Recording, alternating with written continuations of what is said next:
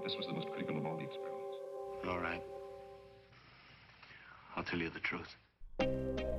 Hej och välkomna. Det här är Mattias Hellström och ni lyssnar på Sverigesyndromet avsnitt 17. Eh, Det är ett avsnitt av Mattias berättar och idag ska vi ta oss till eh, en plats uppåt landet som heter Åsele. Eh, Åsele ligger alltså eh, i höjd med Umeå kan man säga. Eh, mitt, mitt inåt vid Dorotea ungefär. Vilhelmina, Dorotea, eh, Lomsjö någonstans där. Så finns Åsele.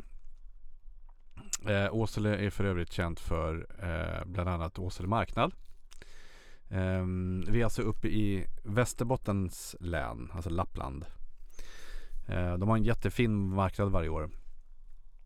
Och eh, det var väldigt, väldigt många eh, som var på den. Ah, det är alltså från typ 1600-talet. Eh, Norrlands största folkfest enligt eh, Wikipedia. Eh, och drar ungefär 150 000 besökare. Och många av de här, inte alla såklart, men många bodde på Åsele värdshus. Eh, som då ni kanske förstår ska bli ett asylboende alldeles strax. Ehm, Alltså det som är lite roligt med Åsele så, det är att redan 2013 så sa eh, Åsele nej. Alltså det var många av inlandskommunerna i Västerbotten som eh, liksom då skulle ta emot flyktingar, 800 flyktingar vid, vid den tidpunkten. Jag refererar till en artikel från 8 februari 2013 i SVT. Eh, och då hade man täta kontakter då mellan eh, landsortskommunerna och Migrationsverket. Men då sa Åsele faktiskt nej. De, hade, de har en historik av att ta emot asylsökande. Redan 2007 eh, så hade man jättemånga tomma lägenheter. Eh, och då kunde man då ta emot hundratals asylsökande.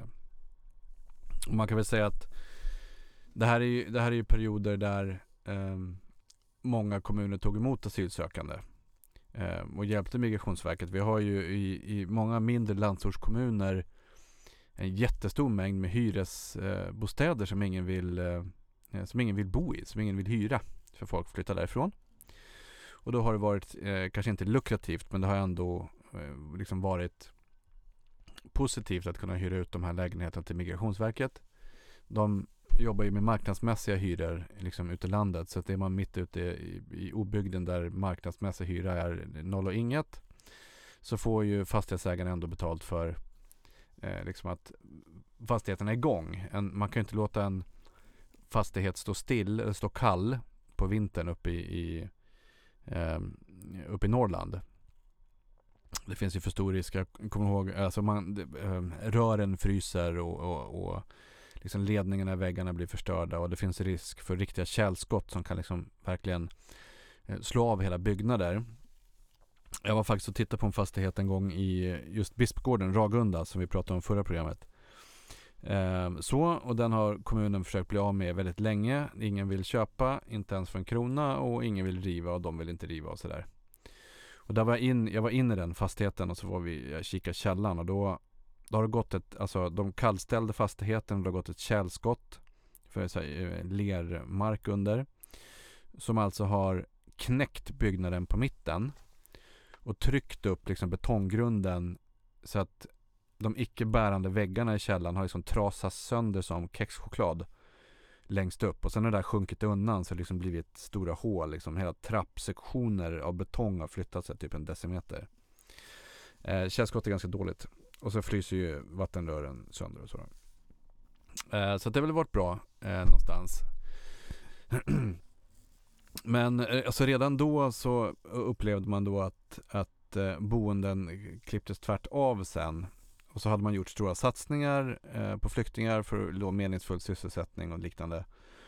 Och, och, när det inte fanns behov så försvann alla och de här eh, satsningarna hade liksom lokalt gått om intet för de flesta flyttade därifrån. För ingen vill bo ute i obygden, alla vill bo inne i stan och det gör att vi har fått samlingar runt storstäderna och sådär. Det finns mängder också av exempel i, i Dalarna, eh, till exempel då, också på liknande. Mm. Och det är väl lite ironiskt då med tanke på att vi eh, öppnade ett boende där, eller som jag snart ska berätta om. Och vi dessutom tvärt klipptes det av och så stod de eh, med stora satsningar som inte hade gett någon effekt. Så, eh, Eh, så att det var Åsele. Um, och um, det här um, Åsele värdshus då som det så fint heter. Det ligger jättefint. Det ligger uh, vid eh, älven. vid ett brofäste. Det är, det, är, alltså det är jätteschysst. Det finns en campingplats längre upp där liksom som flera fotbollsplaner läng- bredvid varandra mellan hotellet och vattnet. Eller med älven då, eller ån. Så det ligger väldigt fint och bra, men tillräckligt långt för att inte barn ska trilla ner i vattnet i tid och otid. Um, så dit skulle jag. Och Åsele är också trevligt av andra skäl för er som inte brukar åka i inlandet så mycket med bil. För man, det är lite grann som en safari. Eh, varje kurva kan betyda att det står eh, en halv jord renar och Eh, vintervis då eh, slickar på bort vägsaltet och de är oerhört oblyga. Man får nästan så här flytta, jag har inte gjort det. Men man får nästan eh, flytta dem med bilen för att de står där och eh, vägrar flytta på sig. Men det är ganska, det är coola djur tycker jag. Framförallt när de kommer upp så nära. Jag har oceaner av eh, bilder i min mobiltelefon på just eh, renar där har mött lite älgar och, och, andra otyg till djur där uppe på nätterna. Eh, och i, i, det här fallet då så eh, är det i oktober, 9 oktober så kom de första till Åsele. Eh, jag var ju där tidigare såklart, sedvanlig rekryteringsstrategi, pratade lite media, satt och väntade och sen så kom det Eh, människor och eh, ansökte om jobb helt enkelt. Eh, hade jättebra samarbete med fastighetsägaren där uppe. Det var, eh, det var, ganska, det var en ganska rolig start. Eh, framförallt med tanke på att det var väldigt, eh, liksom, det låg schysst. Det var ett bra hotell liksom. Det hotellrum där alla fick, eh, skulle få egen dusch och, och toalett vilket är bra för driften. Och liksom hyfsat stora eh, liksom, ytor får att umgås och sådär. Um, ja, men så det, var helt, det var bra helt enkelt. Um, och just starten sen, jag tror inte att jag behöver väva ut igen. Vi har pratat om det här att de kommer upp. Eh, liksom, det kommer bussar på nätterna. Jag har haft kontakt med, med Malmö eller Stockholm, eller busschaufförerna. Men det som jag tycker är värt att nämna eh, här uppe i Åsele då, det är att det var det första gången som jag verkligen märkte att folk kom dit odaktade. Alltså o, Eh, de var inte kontrollerade helt enkelt. De kom mer eller mindre från, eh, från eh, jag måste anteckna lite grann samtidigt nu. Jag har glömt göra. Eh, de kom från eh, utlands ifrån, kanske Danmark eller något. Där de hade traskat igenom och upp genom Europa och sådär. Men ingen hade eh, tagit ID på dem efter vad jag förstod. Och för många var det här bara en del på resan. Eh, första dygnet så kom det ett antal bussar, låt säga att det kom 100 personer. Men dagen efter var det bara 50 kvar. Um, och det, det berodde på att man dels inte hade um, Sverige som slutdestination och framförallt inte Åsele. Uh, samtidigt nu så pågår SJs kampanj att göra asylsökande gratis på tåget längs banan som går på östsidan av Sverige. Så här, det sitter säkert Stambanan. Um, ehm, och då, Ehm, då vill ju alla åka från Åsele in till ehm, Umeå då för att ta tåget. Så dels så vart det lokala bussbolaget vart helt tokiga. De ringde mig för de hade väl snappat upp mitt nummer och var helt tokiga så att jag skulle plocka bort alla asylsökande från deras bussar. Som trängde sig på, vägrade betala och vägrade gå av och så vart det ganska hotfullt. Um, och problemet här var ju att det var ju inte min asylsökande så, så att jag kunde inte göra något utan att rekommendera att det är bara att låta dem åka eller slänga av dem. Eller vi får göra vad vi vill. Um, inte så uppskattat lokalt. För det här pågå, pågick ju sedan i flera dagar. Um, och redan på natten första dygnet, för de, många kanske försvann direkt ner till bussen från att de kommit. Det gick någon buss vid 10 rycket, 11 rycket. Eller så var det, skulle de med morgonbussen då. Och under kvällen så var det ju ändå många som berättade att de skulle dit, till Finland då. Um, och en del i det här var ju att um, Alltså på, i Malmö och Stockholm så gick det omkring människor och berättade var man skulle söka asyl. Det är väldigt oklart vilka de här människorna var och vilken agenda de hade förutom att det var mycket disinformation. Um, en afghansk familj som jag pratade med, de var liksom solklara i att men vi, vi måste till Finland därför att vi kan inte få um, uppehållstillstånd i Sverige och det är större chans att få det prövat på ett korrekt sätt och få uppehållstillstånd i Finland. För det sa man när vi kom hit på, vid bussarna liksom. Uh, och jag försökte förklara att det är nog inte riktigt sant. Vi har liksom en, det finns en Dublinförordning och det finns eh, liksom regelverk runt det här så att har ni rätt att stanna så kan ni göra det här, ni kan säkert göra det i Finland också. Men ni behöver inte åka till Finland, ni måste. Men de var, de var väldigt övertygade och det visade sig också att de hade pratat med andra afghaner liksom i det här som, som afghanska familjer som eh, var övertygade om att det var så här då. Det var framförallt om det var en ensam kvinna som kom med barn. Eller om det var en full komplett sett fam familj liksom. Och sen så, men även många eh, andra från Irak och, och, och Syrien och Iran och vad det nu kunde vara. Eh, så att jag, jag gjorde min, eh, alltså det enklaste för mig det var liksom okej okay, fine, ni ska till Finland. Jag kopierade upp lite lappar med mitt namn och mitt telefonnummer så står jag bara if problem, call me. Och så fick de dem med sig och så tänkte jag att då får väl, om det är någon som kärvar på vägen får de väl ringa mig då så får jag säga att äh, men de här är på väg till Finland, de är odaktade och liksom lycka till. Eh, det var ingen som ringde för övrigt, så det gick väl bra. Ehm, och ehm, det tog alltså tid att fylla, fylla boendet, för vi tappade ju hälften varje dag. Men det anmärkningsvärda här tycker jag är att de inte var daktare, de var inte kollade. Vi, vi visste alltså inte, det, det, är min uppfattning, det är så de berättade. Att det är ingen som visste vilka de här människorna var. Um, och då kan vi alltså addera ihop disinformation vid, vid ankomsten till Sverige. Eh, de har inte blivit eh, fingeravtryckta liksom, eller kollade på vägen upp genom Europa. Så det fanns liksom ingen Dublinförordning att liksom falla tillbaka på för Sverige. Eh, svårt att säga om det här är ett medvetet val. Att man, okej, okay, vi skiter i att kontrollera dem för då finns de inte i Dublinförordningens, eh, liksom, då kan inte finnarna skicka tillbaka dem hit. Typ.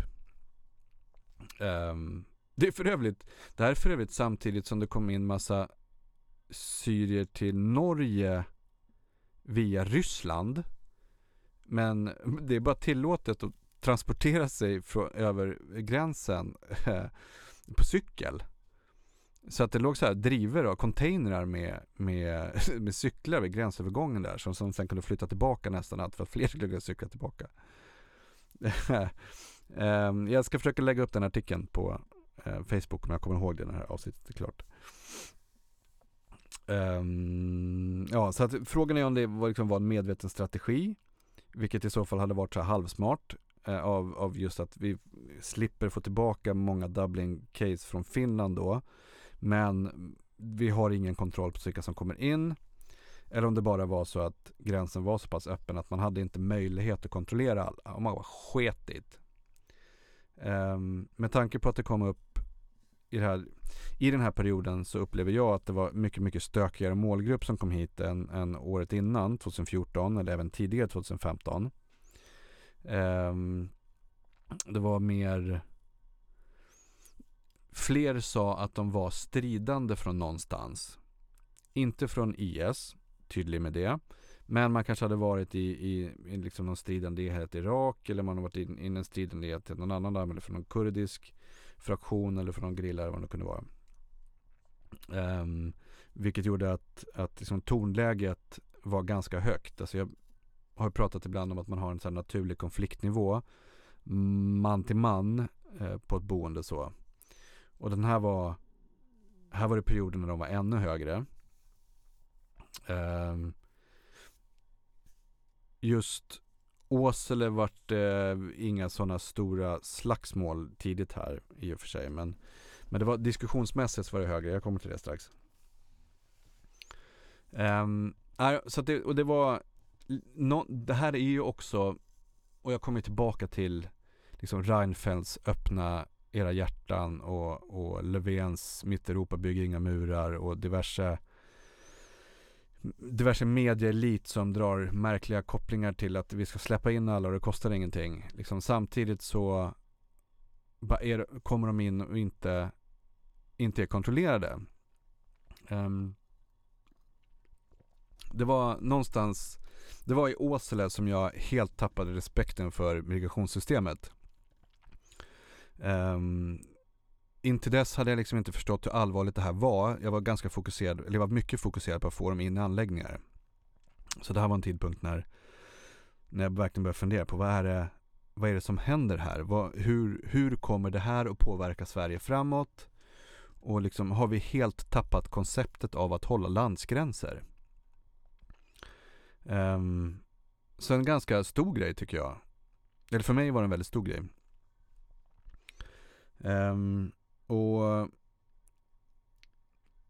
Åsele var också en plats där jag ständigt fick komma tillbaka och ha stora möten. Jag kommer eh, Jag kommer ihåg en, vid något tillfälle, så det byggdes liksom upp eh, ett tryck på anläggningen. Det var frustration eh, som, ehm, som inte riktigt gick att, att hålla nere. Ehm, som, som alltid när jag kom upp till Åsele så började liksom dagen med, med möten med enskilda liksom asylsökande som ville träffas. Ehm, och som hade en, eh, liksom frågor, de vi blev förflyttade eller de hade några andra frågor. Ehm, och i den här perioden så var, var det också fler möten liksom med heltäckande burkar där man, man, man såg liksom knappt ögonen så. Eh, vita händer och helsvarta dräkter och så trevliga möten ska jag säga. Det var liksom aldrig något, det var inget stökigt så, men det var, det var också ny, nytt för mig då. Det, att man hade sjalar och så, det var jag ju liksom väldigt van vid. Men återigen, det var mycket som ändrades på hösten här. Ehm, förutom afghanska familjer då. Och då kommer jag ihåg att vi åkte upp och så hade jag två grupper. Jag hade syrier och så hade jag afghaner. Och sen så hade jag en, eh, en på en annan anläggning som skulle agera tolk för mig. Det var mitt på kvällen så jag åkte iväg till någon lokal elbutik och köpte en högtalare. Och så kopplade jag upp den till min mobil och så satte jag mig längst fram i ett rum. Jag önskar att jag hade bild på det här. Eh, men av olika sekretesskäl så kunde jag då inte fota.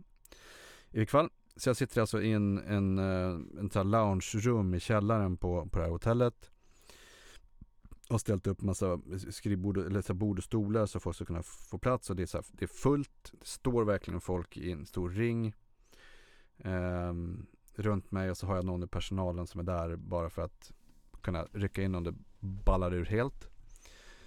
Eh, och sen så körde jag de här klagomålsdiskussionerna och introduktionerna på, på Dari och eh, arabiska där via telefon. Så först fick man så här en fråga från en arab och så fick man översätta det och så fick de översätta via telefon och högtalaren tillbaka till afghanerna. Och sen så fick de säga något och så översattes det tillbaka och sen så fick någon översätta det ut igen på arabiska. Så det var ett ganska långdraget möte och eh, liksom grundtemat var vi är inte nöjda, maten är kass för den är svensk. Um, och det tyckte vi inte så mycket om för vi ville ha mat som, som vi känner igen. Vi tycker den är för dålig. Ett tema som är för övrigt genomgående. Och sen så liksom, men vad kan du göra för oss? Liksom, vad, vad, kan, du, vad kan du göra för oss? Vi vill, så här, vi vill ha, komma till gym, vi vill träna, vi vill få lägenheter, vi vill komma ut. Eh, alltså väldigt mycket vad saker vi ville ha. Eh, kravbilden var väldigt hög. Eh, Medan jag hade fokus på att försöka förklara att ni får inte röka på rummen och ni sitter typ nästan och tänder en cigarett just nu. Så gör inte det. Um, och i och med att det hade byggts upp över tid då så hade vi fått fraktioner på anläggningen. Alltså grupperingar som, som drev mot varandra. Liksom den vanliga bulken av sådana som skötte sig och höll sig undan. Några som var så här onöjda med att det var fraktioner och sen en fraktion som var så här stark och lierad med någon lokal befolkning. Så. Um, det här var ett av många sådana här kvällsmöten i någon lokal där man satt med 70, 60, 70, 80 asylsökande och försökte dämpa missnöje. Alltså det blev aldrig, ehm, för mig var det aldrig liksom en fysisk hotbild på något sätt. Det var liksom mycket vevande med armarna och liksom högljudda diskussioner. Um, men aldrig hotfullt. Jag har aldrig varit så nervös i sådana här sammanhang. Men, men just där uppe så var det flera sådana här möten som, som jag verkligen kommer ihåg. Um, och just för första gången behöva översätta allting på, på afghanska, eller på dari. Um, vi, eh, jag tänkte hålla mig till liksom, andra händelser som det också finns styrkt. Eh, vara varför jag också läser på ur liksom, artiklar här. Men det var, det var turbulent på asylboendet där uppe och det finns artiklar på det. Det kommer jag lägga upp på Facebook-sidan. Eh, där, där det var Det slutade med att, att två i personalen eh, då ehm, inte fick jobba kvar. Det är dock inte detaljer jag tänker gå in på. Men eh, det var en hämtat ut artiklarna eh, så för att göra det enkelt så, så vart det tonläget mellan individer på asylsidan och personalsidan gjorde att eh, att det inte var den respekt på anläggningen som, som jag eh, liksom kräver att det ska vara av den personal som vi har. Eh, plus att det är också så att eh, syrier och iraker och iranier och så, de är väldigt, väldigt duktiga på att hantera media. Jag tror att det har att göra med att, att eh, i, i de här länderna så är Alltså media, journalister är liksom enda sättet att få ut information på ett vettigt sätt. Därför är man snabb att påkalla media och man vet också liksom hur, det, hur det kommer att liksom spinnas ut på något sätt. Så det slutade i vilket fall med att det, det vart eh, lite bråk där uppe och så var jag tvungen att, att lösa liksom personalproblem. Um, och det här mynnar ut i en väldigt märklig händelse. Jag kan ju inte gå in på personalfrågor, det förstår ni ju säkert. Men det här är alltså en händelse som, um, som är i allra högsta grad offentlig i den mån att det var ett, ett öppet möte arrangerat av typ Kulturhuset. Det var på Kulturhuset tillsammans med kommunen, polisen, osäker på om brandkåren var där, Migrationsverket och jag. Um, och vi, vi jobbade väldigt hårt på alla anläggningar att undvika all typ av diskriminering och särbehandling därför att vi visste att det är det som skjuter en anläggning i sank. Vi kan inte prioritera afghaner för att det kommer att röra upp ehm, eh, syrier, iranier, iraker. Eller syrier och iraker, förlåt. Och vi kan inte prata åt andra hållet för att det kommer liksom bli en konflikt här. Så att det, det är väldigt viktigt att, att anläggningen alltid är balanserad, väl balanserad. Vi måste vara neutrala. Eh, vi är som typ eh, tjänstemän inom eh, eh på den politiska sidan. Vi, vi servar vi servar regering oavsett regering. Så vi servar med asylsökande oavsett asylsökande då. Um, och då i, i det här mötet så har väl jag en vanlig dragning. Jag berättar om anläggningen och liksom våra syften och mål och våra avgränsningar och varför vi upphandlade och våra ansvar och sådär. Så vikten av lokal förankring och hej och. och då är det några snubbar där som väljer att liksom ställa sig upp. De har samlat sig inne i det här auditoriumet då. För att helt enkelt berätta sanningen för alla som var där. Och just det här att man säger att nej, men jag berättar sanningen och jag är opartisk. Alltså om de två meningarna, ord, alltså om, om de två faktorerna kommer i samma mening då, då vet man att nu kommer det att komma roliga grejer här. Så de började berätta hur dåligt det var på boendet och de berättade liksom hur vi särbehandlade och prioriterade afghan eh, de från Afghanistan och, och, hur illa de blev behandlade och de blev, liksom, det var rasism och det var liksom massa saker på anläggningen. Och då står jag alltså där och vet att de bara blåljuger rakt i ögonen på alla som sitter där. Skamlöst. Och jag fattade ju också att det här var en strategi sen. För jag, jag, har ju, jag, jag förstod ju att det var liksom varje uttalande, varje mening var liksom väl koordinerat för att bli träffsäkert och liksom väl regisserat. Um, och det, det var mycket som hände uppe i Åsele. Någonstans där så liksom föll alla sådana här bitar, manipulativa lögnbitar på plats. Alltså hur alla gånger jag blivit ljugen för rätt upp i ansiktet. Alla gånger som liksom sanningen manipuleras på ett sånt sätt som varit alltså, så otroligt medvetet och regisserat. Det föll liksom på plats där. Jag fick se det som på en teater. Då, då förstod jag strategin som jag blivit utsatt för så många gånger när det gäller lögner. Den här kan ju användas på många sätt. Den kan friseras och den kan liksom ingå i politik. Eh, när liksom lögnen inte är en, en lögn utan eh, liksom på det sättet utan att det ska vara eh, man, man vrider sanningen och man anklagar varandra för ditten och datten. Men här var det liksom tydligt för jag var ju så, jag var inne i det. Um, och där var faktiskt stämningen så hetsk så polisen uh, bad mig dra fel.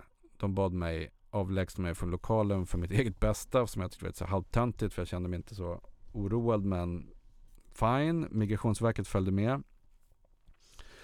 Och, och det var också första gången jag såg liksom 15-20 stycken asylsökande omringa migrationsverkspersonal utanför och bara stå liksom och skrika och verkligen vara hotfulla. De sket fullständigt i mig. Jag stod 15-20 meter bort. Jag tänkte jag glider tillbaka till boendet och gör vad jag nu brukar göra. Um, och, och de blev skiträdda. Alltså på riktigt. För dagen efter så hade vi utökad säkerhet. Alltså de ringde och sa att ja, men nu sätter vi in säkerhetsvakter hos er. Jag sa fine, låt dem vara där över helgen. Men jag föreslår att vi inte har Securitas här länge därför att det blir bara, min erfarenhet är att det blir värre på anläggningen. Vi kan hantera det här själva. Det slutade med att vi hade Securitas där i typ tre månader. Väl spenderade pengar. Jag kommer dessutom ihåg att vid något tillfälle så kom jag inglidande i foajén där så låg en av de här vakterna och sov i soffan bredvid de asylsökande så, så här ivrigt tog bilder på honom. Tyckte de var skitkul. Som jag sen presenterade för Migrationsverket som eh, som ironiskt nog mest vart arga för att jag hade väntat någon dag med att visa upp den bilden. Vilket jag gjorde för jag sparade den lite grann till ett bra tillfälle. Skitsamma. De hade väl delrätt. Istället för att bara ett, typ gå hårt på security-bolaget. Eh, eller framförallt, varför har ni dem där? När jag, när jag sagt att det inte behövs det. För Securitasvakter de är väldigt vanliga på Migrationsverkets egna anläggningar. Liksom, som, och sköter brandskydd och, och liksom ronderar och gör sådär på nätterna. Helt värdelöst för oss i det här fallet. Då var det i alla fall skitskraja. Um, ehm, och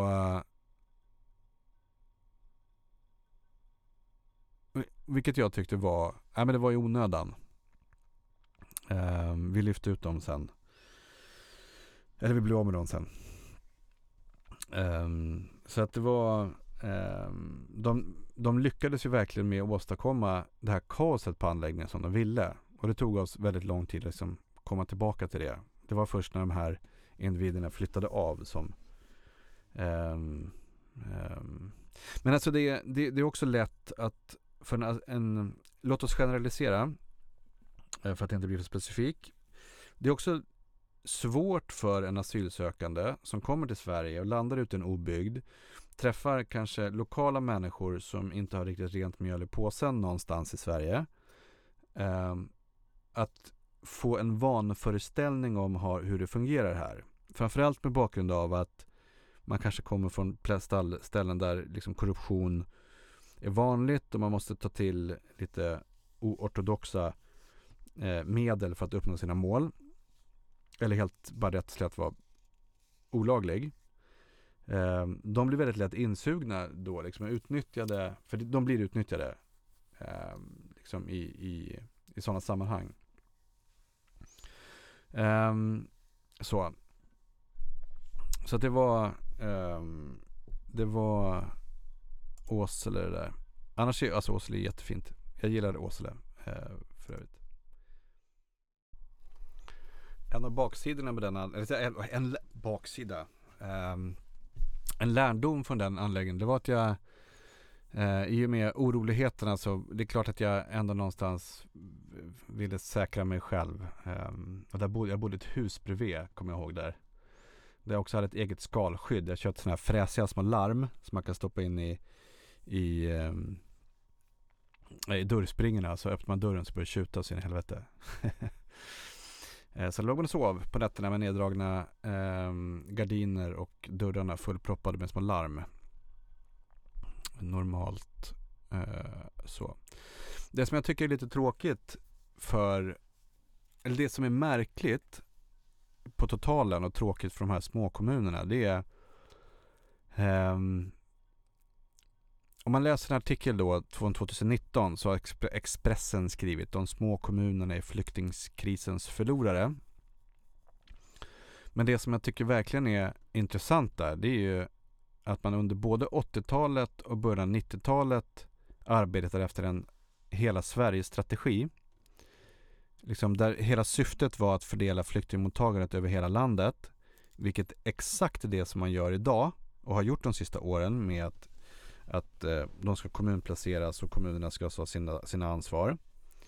Eh, men resultatet då blev att de asylsökande som placerades ut på orter som då givetvis inte alltid har samma arbetsmarknadsförutsättningar, hade stora svårigheter att få jobb. Alltså, och det blev till långvarig arbetslöshet, eh, försörjningsstödsberoende, liksom, och massa andra saker. Och då, då pratar vi alltså lägre volymer.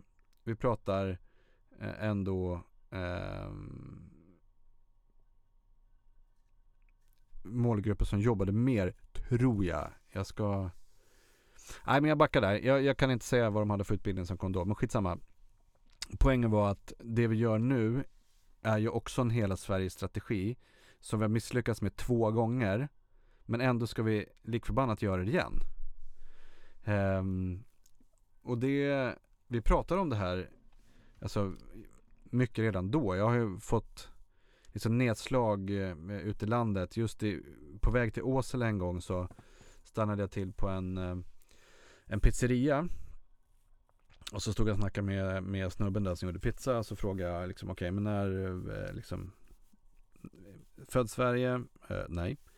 Eh, okej, okay, när kom du hit? Nej, men jag kom hit på eh, liksom slutet av 90-talet och etablerad här och sådär. Men han var så lack för han jobbade och sliter på sin pizzeria och han har haft liksom tufft att hitta boenden och ditten och datten och nu nu, vid den tidpunkten så här 2015, det var alltså det är helt omöjligt. De asylsökande som kommer då, de slår ju helt ut eh, liksom boendemöjligheterna för alla oss andra. Och för mina barn. Um, så det känns här som man gör samma korkade grej igen. Um, jag vet inte om det är för att man inte lär sig sina misstag på riksdagsplanet eller på riksplanet.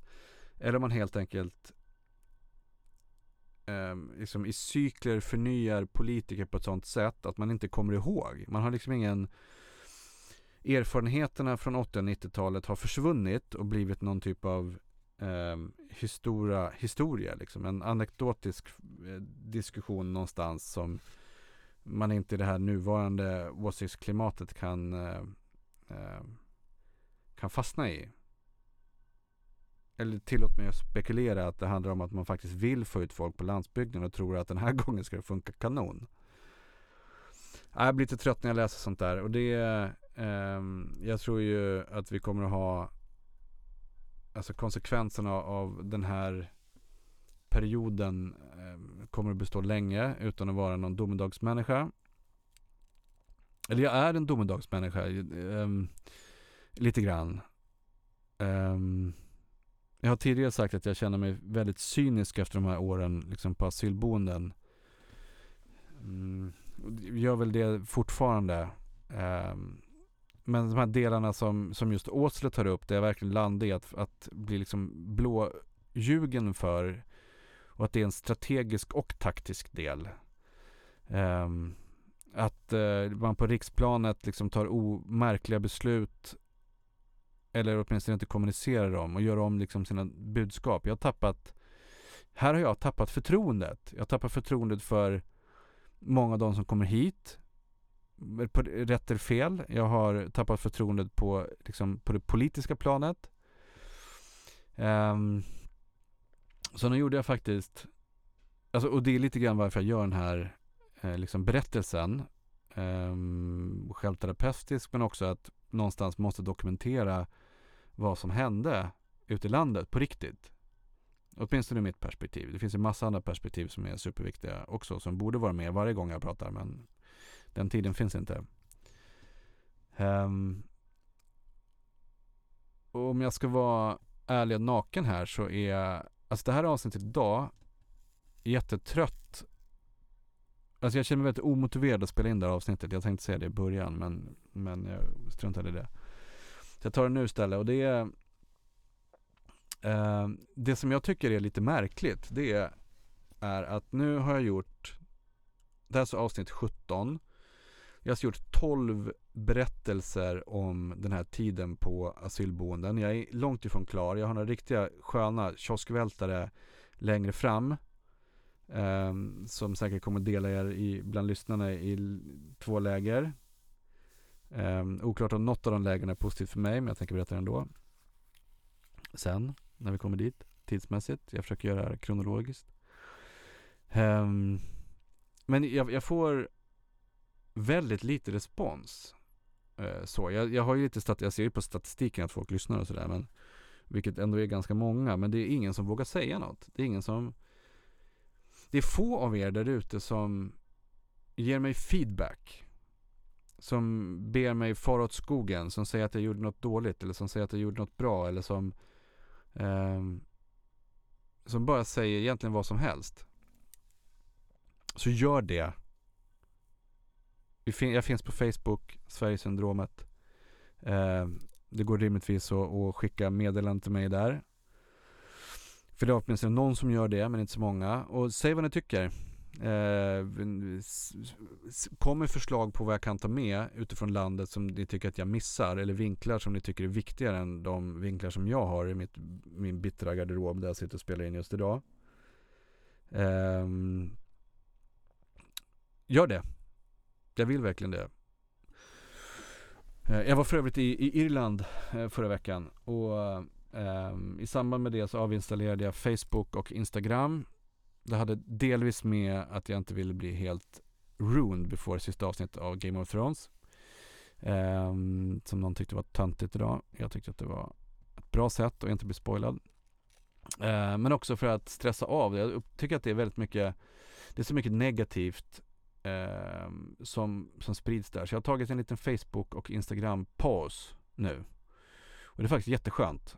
Och sen så var ju att träffa irländare var som balsam från själen. Det var, de är så glada och snälla. Säkert för att de alltid har två pint Guinness innanför västen.